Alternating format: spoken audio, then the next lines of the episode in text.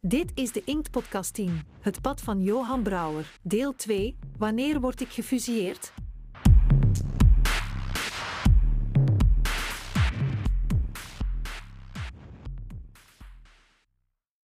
Johan Brouwer, arbeiderszoon uit Rotterdam, pleegde tijdens zijn studententijd een moord. In de cel studeerde hij Spaans en was journalist voor de NRC tijdens de Spaanse burgeroorlog. Terug in Nederland werd hij bestsellerschrijver en in de Tweede Wereldoorlog was hij betrokken bij de overval op het Amsterdamse bevolkingsregister. Ik neem je mee door het bestaan van deze moordenaar, auteur, verzetsheld, door de dood geobsedeerd en door het leven getekend. Welkom bij Wanneer word ik gefusilleerd? Dat is niet een nieuwe spelshow van Omroep Ongehoord Nederland, maar deel 2 van de driedelige podcastserie over wandel en pad van Johan Brouwer. Vorige maand kon je het verhaal horen van Brouwer de moordenaar. Hoe hij iemand vermoordde om uit te vogelen of er een geweten bestaat. In deze aflevering volgen we Brouwer naar Spanje, waar hij aanvankelijk op vakantie wilde gaan, maar met zijn neus in de derrie valt. Precies dan breekt de burgeroorlog uit. Tot twee keer toe hijgt een executiepeloton in zijn nek. En in Nederland moet hij zijn plaats weer zien te vinden, omdat de geschreven pers hem niet meer helemaal vertrouwt. Als de oorlog uitbarst, vindt hij een baan aan de Universiteit van Amsterdam, maar dat gaat ook snel mis. Zijn boeken, de historische romans, beginnen steeds beter te verkopen. Misschien wel omdat ze niet alleen over de Spaanse geschiedenis gaan, maar ook wat over het heden te zeggen hebben.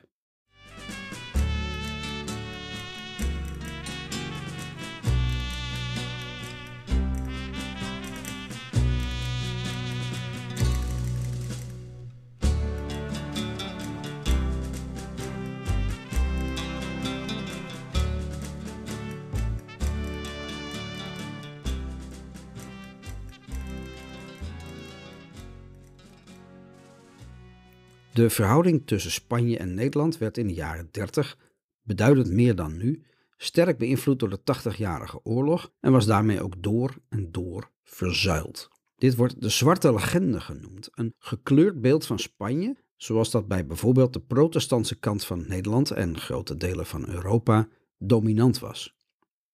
De pamfletcultuur in de 80-jarige oorlog schetste Spanje als een roofzuchtig, trots, vals ijdel, wellustig, wreed, bloeddorstig land met een barbaarse cultuur.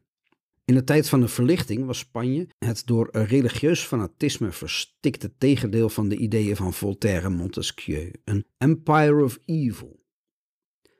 Nog een eeuw later, toen het enorme Spaanse wereldrijk begon te verbrokkelen, kwam de nadruk te liggen op Spanjes politieke en economische zwakte. Vroeg in de 20e eeuw kwam er een tegenbeweging op gang van katholieke zijde. Zij probeerden de traditie van honderden jaren vuilspuiten over Spanje te munten als die zwarte legende en trachtte herwaardering voor het grote katholieke Spanje te oogsten. En Brouwer, als neo-katholiek, deed hier mee, bijvoorbeeld in zijn boek over Hernán Cortés, waarin hij begrip oproept voor de kruisridders en de conquistadores die voor God, kerk en koning streden. En op een tamelijk basaal, Freudiaans niveau beleidt hij zijn liefde voor Spanje op een symbolisch oedipale manier. Hij ziet Spanje als zijn moeder, die hem gevoed en opgevoed heeft, misschien naast of misschien in plaats van zijn echte moeder, die hij, zeker na zijn gevangenschap, hooguit formele bezoekjes bracht. Hendrik Henrichs, de biograaf van Johan Brouwer, vertelde me hier nog een mooie anekdote over. Met die moeder is iets heel interessants aan de hand. Hij beschouwde Spanje als zijn moeder. Hij is in 1937 is hij op het tweede cijferscongres in Valencia en Madrid en Barcelona is hij uitgenodigd geweest met alle groten der aarde, met André Malraux en Jeff Last en, en, en noem ze allemaal maar op. Alle, alle cijfers die iets te betekenen hadden, die waren op dat cijferscongres wat een aantal dagen rondreisde langs die grote steden van het uh, Republikeinse Spanje. Daar heeft Brouwer echt een prachtige toespraak gehouden. Daar zegt hij dus: Ik heb En, in, in prachtig Spaans hè, spreekt hij dat een beetje archaïs eh, Spaans, sprak hij. Ik heb mijn leven uh, bestudeerd over de geschiedenis van Spanje. En ik heb eigenlijk alles wat ik van het leven weet, heb ik geleerd van Spanje. Je zou kunnen zeggen dat Spanje mijn moeder is. En toen ik dan ook hoorde dat er een misdadige opstand tegen mijn moeder Spanje was losgebroken, toen ben ik als elke rechtgeaarde zoon van Spanje, heb ik mij met ontblote borst voor die aanval op mijn moeder te weergesteld. Zo'n toespraak, hè? Zo gaat dat. Daverend applaus. Dat staat ook letterlijk in dat, in dat, in dat verslag. Een enorm applaus. Iedereen, geweldig.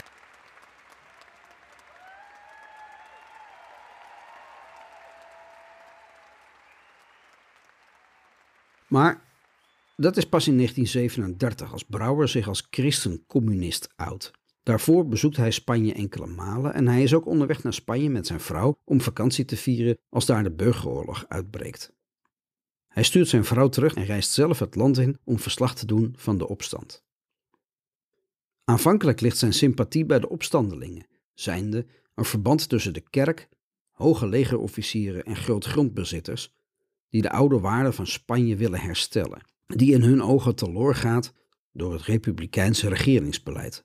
Maar wat hij daar aantreft, maakt dat hij tot de conclusie komt dat zijn sympathie bij de andere kant, de republiek, hoort te liggen.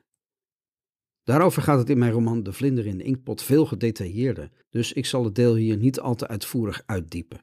Ik lees twee passages voor uit mijn boek.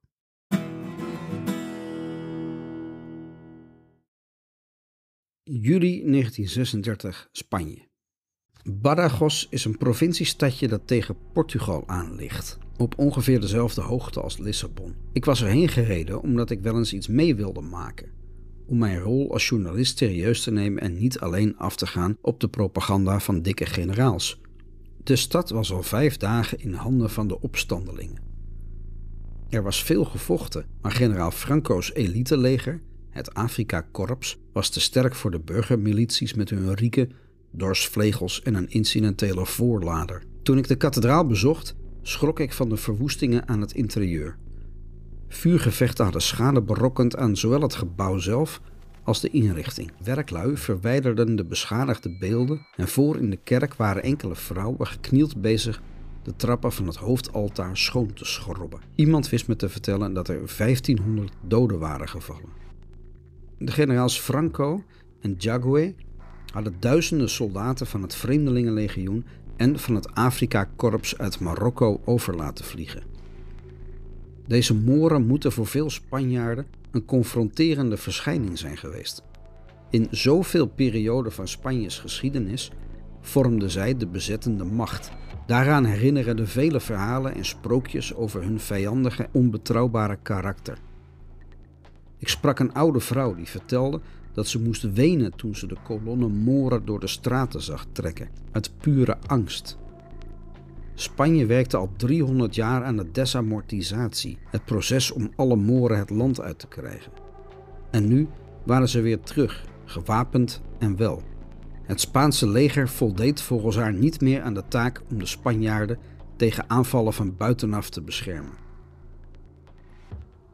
Wat blijft er van een opstand van het katholieke Spanje over als de strijd wordt geleverd door de Mohammedaanse erfvijand?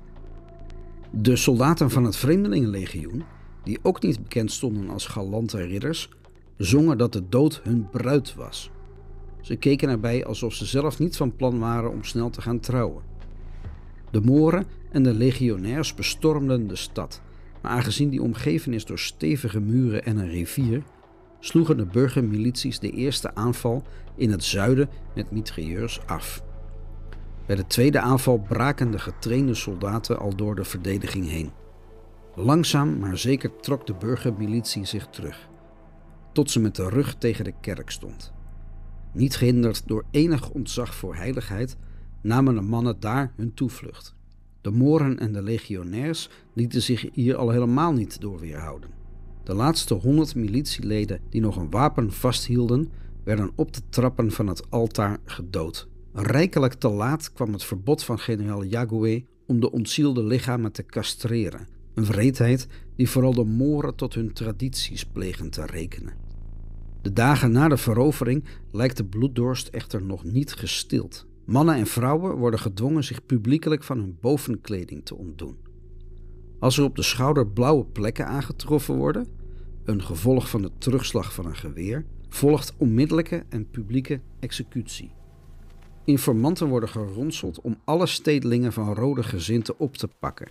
Er gaan geruchten van feestelijke executies in de stierenvechtersarena met een batterij mitrailleurs. Er zouden vrouwen zijn onteerd en ik zag Moorse soldaten op straatsieraden en andere geplunderde waren verkopen. Typemachines, kleding en klokken.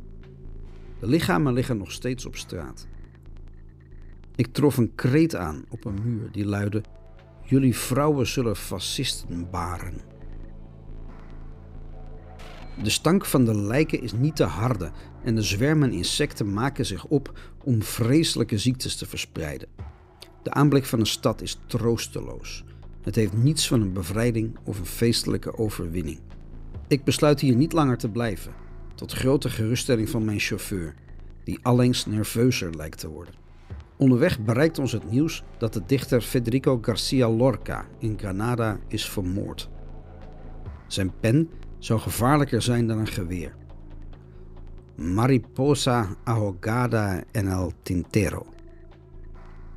Ik vraag me af hoe het is om iemand te executeren met twee kogels in zijn aars.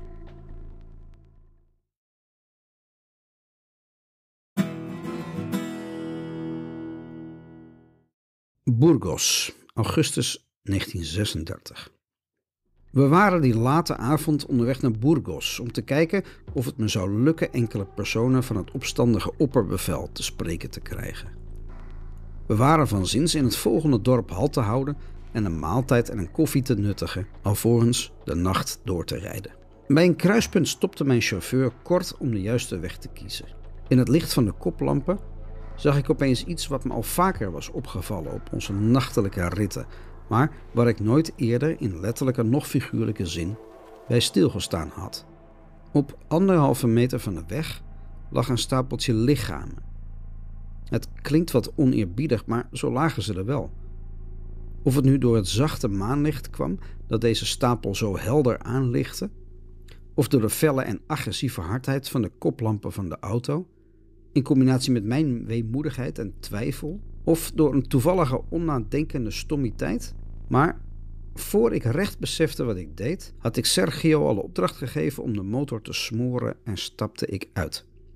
Vier mannen en twee vrouwen lagen als slapend op de grond. Allemaal hadden ze een kogelwond met een dun bloedstraaltje op het voorhoofd.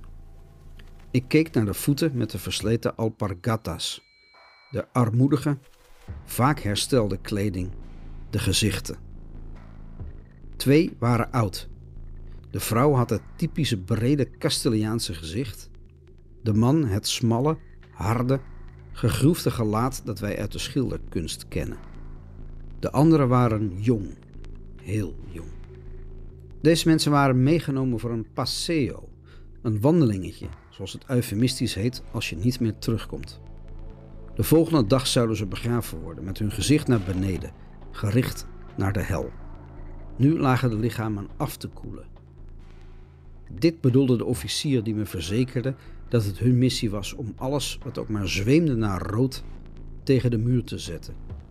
Twee mensen die al te oud en vier die nog te jong waren om de wapens op te nemen. Misschien de ouders en de kinderen van een stel dat deelnam aan een volksmilitie. Een wraakactie die door het internationale oorlogsrecht sterk veroordeeld zou worden.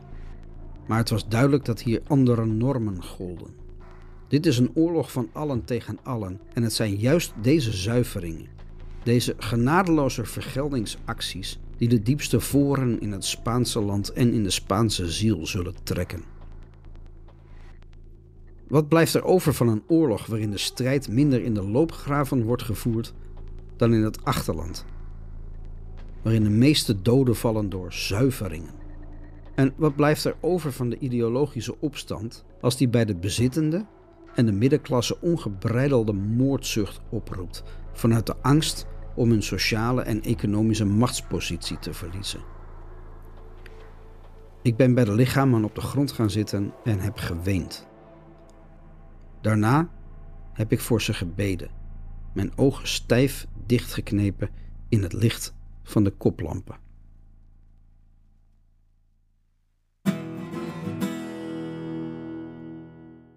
Einde fragment. Wat daarna volgt is dat zijn nieuwsgierige gedoe met die dode lichamen gezien wordt door de politie. Hij vertelt er sappig over in een artikel in De Tijd, een katholieke krant die later met de Haagse Post fuseerde. In het volgende dorp, waar ze de nacht door wilden brengen, worden Brouwer en zijn chauffeur gearresteerd op verdenking van spionage. Ze doorzoeken de bagage en Brouwer heeft, naast een gesigneerde foto van de opstandige generaal Mola, ook wat pamfletten van de socialisten bij zich. En een aantekeningenboekje met daarin min of meer gecodeerde boodschappen, waaronder over het veronderstelde dodental in de stad Badajoz. De politiecommandant kan zich niet zo goed voorstellen waarom een journalist ook andere kanten van het verhaal zou willen onderzoeken. En verdenkt hem van spionage. Brouwer is hem ook verbaal veel te vaardig. Hij zou die pedante bedweter die zo ouderwets praat liefst direct afmaken. Gewoon het zekere voor het onzekere. Onpartijdige berichtgeving kan de zaak alleen maar kwaad doen, lijkt de boodschap. In afwachting van het besluit van de politiecommandant eet Brouwer wat in de plaatselijke herberg. Dan wordt hij, als in een film, gered door een groep Carlisten, eveneens behorend tot het opstandige kamp, maar dan van de groepering die van Spanje weer een koninkrijk wil maken. Nou ja, allemaal muy complicado en niet zo belangrijk voor het grotere verhaal. Ze herkennen hem van enkele dagen eerder en nemen hem mee, de voeterende politiecommandant perplex achterlatend. Er zijn geen getuigen van dit verhaal bekend, alleen Brouwers eigen visie in de krant. En schrijvers moet je niet zomaar vertrouwen. Hè? Als ze hun linkerarm moeten geven om een verhaal mooier te maken, dan zullen ze daar geen moment over twijfelen. Ja, ja. En omdat in een goed verhaal alles in evenwicht moet zijn, of omdat Brouwer gewoon een nogal gecompliceerde omgang heeft met het gezag, gebeurt hem iets vergelijkbaars enkele maanden later, op 6 januari 1937, wanneer hij in Valencia gearresteerd wordt op verdenking van spionage. Hij vermoedt zelf al snel dat iemand die wist dat hij eerder aan de opstandige kant van Spanje reisde, hem aangegeven heeft. Hij beroept zich op zijn journalistieke onafhankelijkheid, maar ook aan deze kant lijkt het wel, is onafhankelijkheid geen deugd, maar een uiterst suspecte karakterfout. Gelukkig werd hij opgepakt vlak voor hij een afspraak had met de Nederlandse consul, die naar hem op zoek ging toen hij niet opkwam dagen.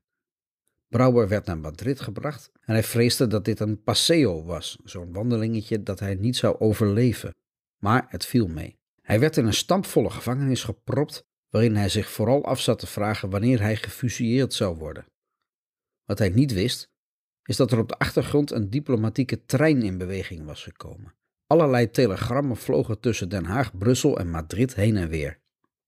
Op 11 januari werd hij vrijgelaten. Er bleek inderdaad een provocateur te zijn geweest die hem had aangegeven, in de hoop dat door het fusilleren van een buitenlandse schrijver aan ex-journalist de regering imago-schade op zou lopen.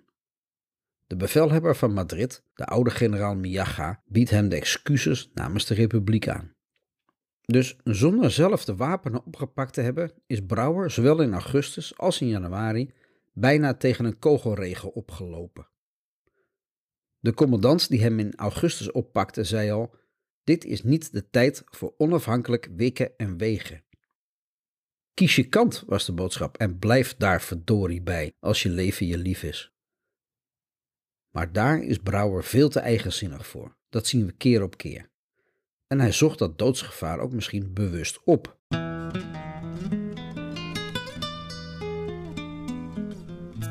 Later, Terug in Nederland zal Brouwer een roman schrijven over zijn ervaring in de burgeroorlog. Hij laat zijn hoofdpersoon Maarten van der Moer als soldaat meemaken wat Brouwer zelf als journalist ervoer en laat hem de plaatsen bezoeken waar hij zelf ook kwam.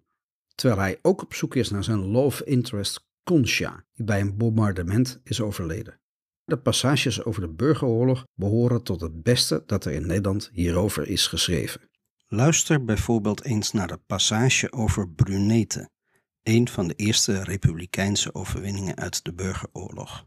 Alle hoop en bravoure wordt daar vakkundig plat gebombardeerd.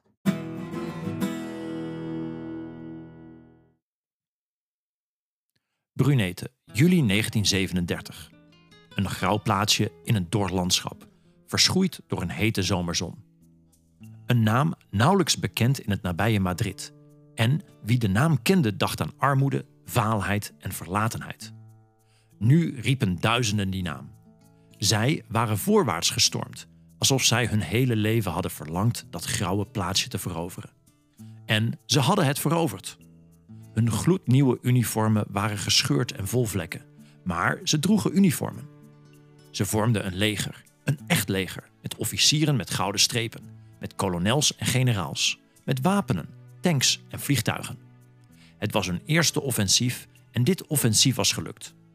Kilometers diep was men in het vijandelijke frontgebied ingedrongen.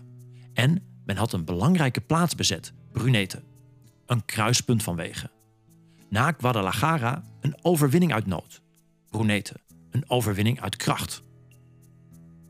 Twee, drie dagen duurde die vrolijkheid. Toen eindigde zij, tegelijk met Brunete en duizenden van die soldaten die zo trots op hun nieuwe uniformen, hun nieuwe leger en hun eerste offensief waren geweest. De zware artillerie en zwermen bombardementsvliegtuigen, gedekt door jagers, vernietigden uur na uur, enige dagen lang, het grauwe plaatsje in het verschroeide landschap. Toen van Brunete weinig meer over was dan een zwart berookte puinhoop waar wij honderden kameraden hadden moeten achterlaten, trokken wij langzaam terug. Wij zochten dekking achter een muurtje, een kleine oneffenheid, een berm, een steen. Maar de bommen en granaten vielen dicht als hagel neer. En in armzalige resten werd het jonge, nieuwe leger stap voor stap teruggedrongen.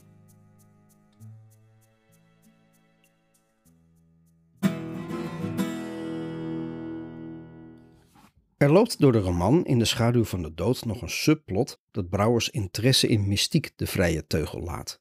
En dat mij niet zo enorm kan bekoren. Maar omdat die mystiek een groot onderdeel van Brouwers werk en leven omvatte, kan ik daar niet omheen. Daar laat ik graag Hendrik Henrichs even over aan het woord.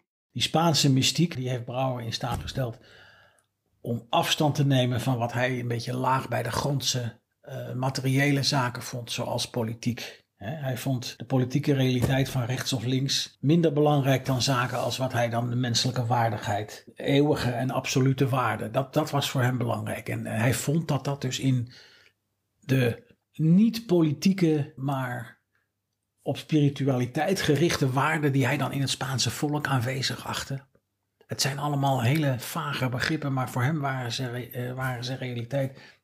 Dat was waar Brouwer eigenlijk mee bezig was. Maar dat maakte hem zo'n ziener en zo'n bezieler. Dat hij dus echt dat idee had van, daar moet jij mee bezig zijn. Hè? Niet met, uh, met politiek gekonkel en niet met, uh, met materiële zaken, maar met absolute uh, waarden. En dat, dat waren dan voor hem wel christelijke waarden. Maar je kunt je, je, kunt je voorstellen dat, dat dat dus voor iemand die er zo in staat, dat het dan niet zoveel uitmaakt of je aan de linker of aan de rechterkant. Het, het, je, je moet gewoon um, uh, het, het goede doen. Hè? Die, die, die fascinatie voor die mystici, die is wel in de gevangenis gekomen. Hij heeft dus in die gevangenis, heeft hij, kijk, hij was dus al heel erg af en toe aan het hallucineren. Het was iemand die dus, denk ik, ook, ja, je kunt niet zeggen uh, psychisch in de war was. Dan, dan, dan, dan, doe je, dan, dan maak je het te simpel. Maar het was wel iemand die af en toe in hoge sferen verkeerde. Dat moet hij ook in, in, in zijn studententijd al geweest zijn. Uh, met seks en drank en, en, uh, en in alle opzichten de, ik zal maar zeggen, de grenzen van het, van het betamelijke over zijn. Misschien ook wel, ook wel met opium. Daar, daar ben ik niks van, van, van tegengekomen. Maar het zou me niks verbazen. Het is een merkwaardige combinatie die Brouwer dus aanwendt voor zijn roman die zich tijdens de Spaanse burgeroorlog afspeelt. De hoofdpersoon, Maarten van der Moer, gaat niet naar Spanje om de bevolking te helpen of de socialistische zaak te steunen, maar omdat hij op zoek gaat naar een jeugdliefde, van wie hij door zijn telepathische gaven vermoedt dat ze in gevaar is. Zijn motieven om zich als vrijwilliger aan te melden bij het Spaanse leger zijn niet zuiver en zodra hij een beetje gewond raakt, onttrekt hij zich aan de strijd om zich te richten op zijn mystieke en occulte zoektochten.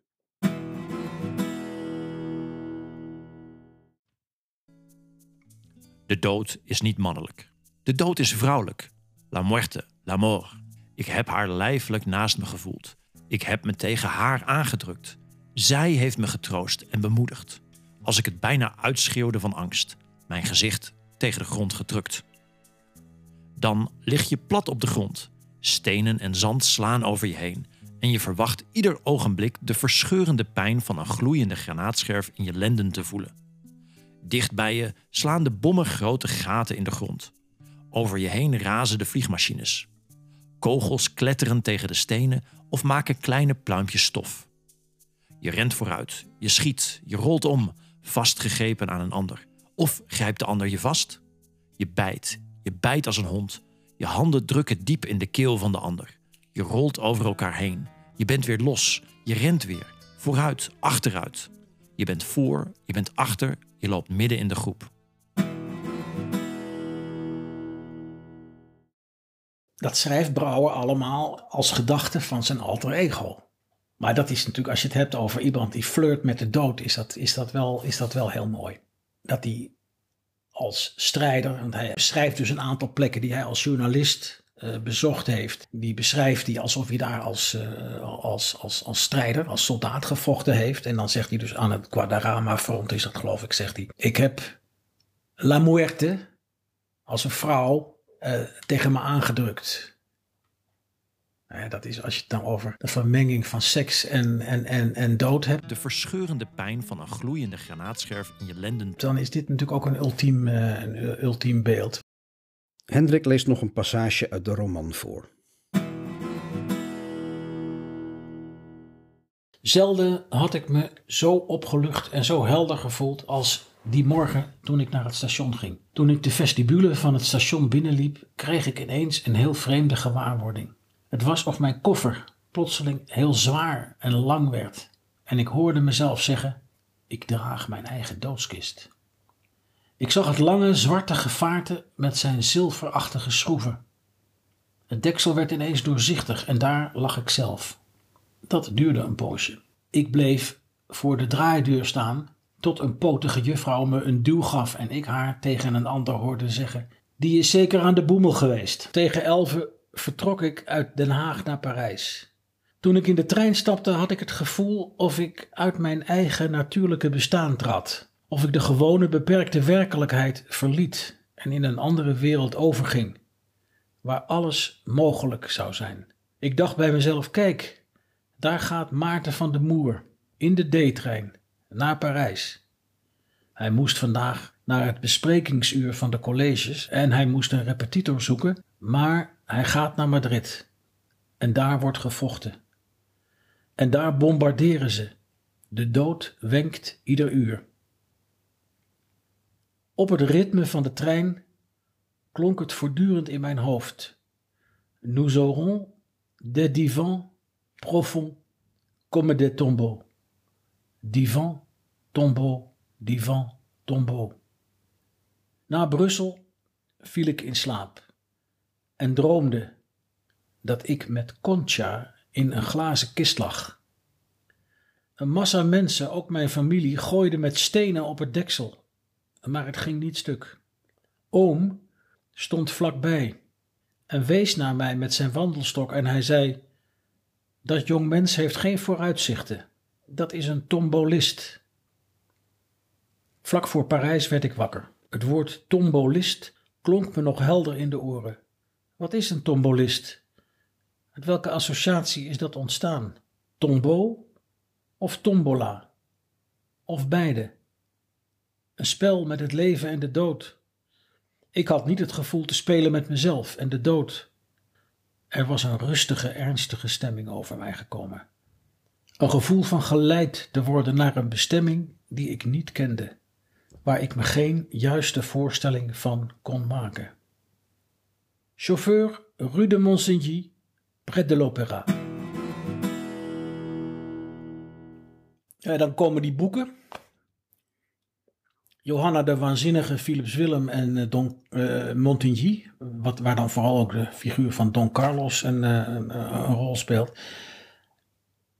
En daar kan je echt van laten zien dat hij um, zich enorm identificeert met die personages. Hè. Johanna de Waanzinnige, nou, hij heet natuurlijk zelf Johan. opgesloten eh, door tirannen en op die manier nou, naar de dood geleid eigenlijk. Hè. Dus, dus Philips Willem is dus, en dat is de oudste zoon van Willem van Oranje, hè, die door eh, de Spaanse koning in gijzeling genomen is en eigenlijk daar geestelijk doodgemaakt is. En Mondigny die gewoon onthoofd is door, door Philips uh, de Tweede. Maar dat zijn dus allemaal figuren met wie hij zich identificeert. Dat zijn allemaal mensen die in opstand komen tegen de tirannie, maar dat wel met de dood moeten, moeten bekopen.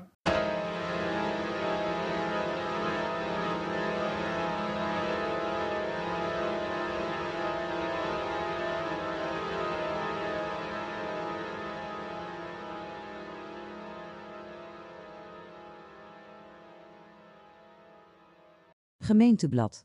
Naamgeving openbare ruimte. Burgemeester en wethouders van Amsterdam brengen ter algemene kennis dat zij in een vergadering van 17 oktober 2017 de begrenzing van de navolgende openbare ruimte hebben gewijzigd. Johan Brouwerpad. Toelichting. In Nieuw-West ligt de openbare ruimte die vastgesteld is als Johan Brouwerpad. In het kader van stedelijke vernieuwing zijn recentelijk de hier aanwezige woningen gesloopt. Na de herinrichting van het gebied komt hier geen pad meer te lopen omdat het Johan Brouwerpad is vernoemd naar een verzetsman, stelt het stadsdeel Nieuw-West voor om een vlakbij gelegen naamloos pad als Johan Brouwerpad vast te stellen. Burgemeester en wethouders voornoemd Kees Aollongen, loco-burgemeester en Arjan van Gils, gemeentesecretaris.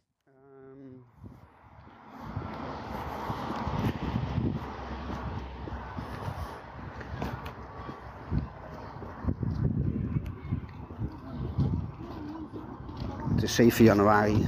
Er liggen hier wat westjes vuurwerk en wat rotzooi. Verder zie ik uh, geen straatnaambordje. Of niks dat uh, doet denken aan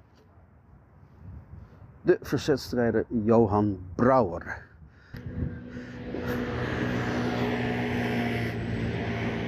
Um, goed, ik ben dus nu de brug over. En ik loop dus nu eigenlijk onder de overkapping van het XO Hotel.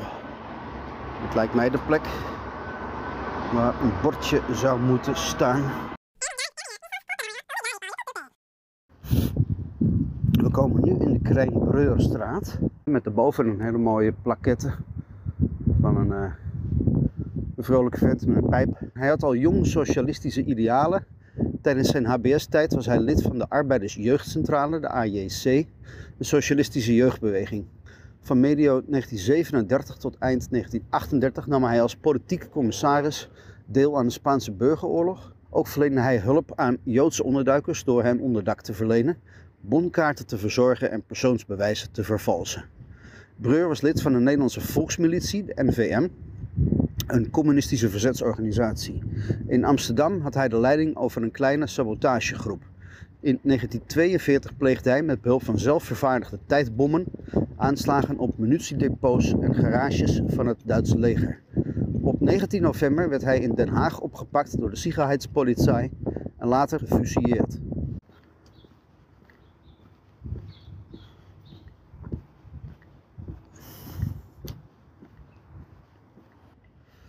Van Johan Brouwer ontbreekt dus elk spoor. Het lijkt er een beetje op dat mevrouw Ollongren in 2017 wel het oude Johan Brouwer pad heeft afgesloten. Uh, de suggestie mee heeft genomen dat er een ander pad in de buurt alsnog naar Brouwer vernoemd zou kunnen worden. Maar dat is na vijf en een half jaar nog niet gebeurd. Uh, of ik sta op de verkeerde plek, dat kan ook.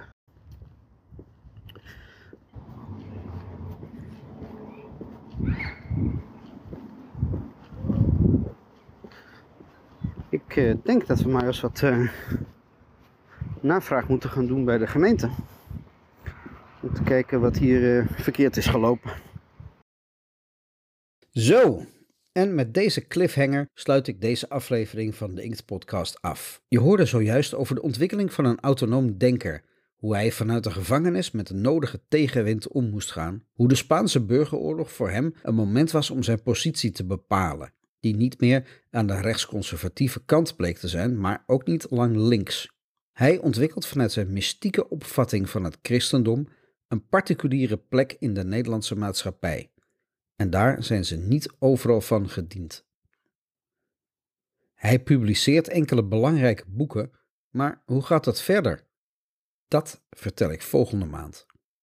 Dan komen we in de oorlog terecht, in het studentenverzet, culminerend in de aanslag op het Amsterdamse bevolkingsregister. Oh, en ik beloof dat we volgende maand verder gaan met de zoektocht naar het verdwenen Johan Brouwerpad in Amsterdam. Want dat was de aanleiding voor deze podcast natuurlijk.